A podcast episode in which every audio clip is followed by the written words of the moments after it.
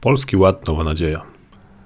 Najważniejszym wydarzeniem weekendu w polskiej polityce było ogłoszenie przez PiS Polskiego Ładu, wprowadzonego pod hasłem Nowa Nadzieja. Zapowiedziano m.in. zmiany w systemie ochrony zdrowia, podatkach, prawie pracy, edukacji i polityce mieszkaniowej.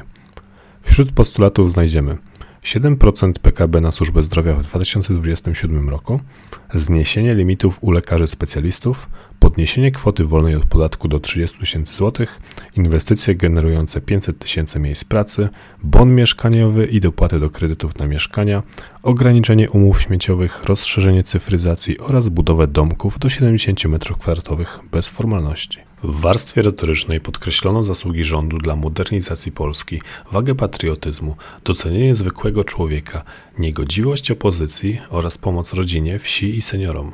Prezentacja Polskiego Ładu była okazją do podpisania deklaracji programowej przez liderów Zjednoczonej Prawicy Kaczyńskiego z PiS, Gowina z Porozumienia i Ziobry z Solidarnej Polski oraz premiera Morawieckiego i marszałek Witek. Politykom z telebimów brało biła widownia, ukazana w formie konferencji online, a wystąpienia przeplatały poruszające nagrania.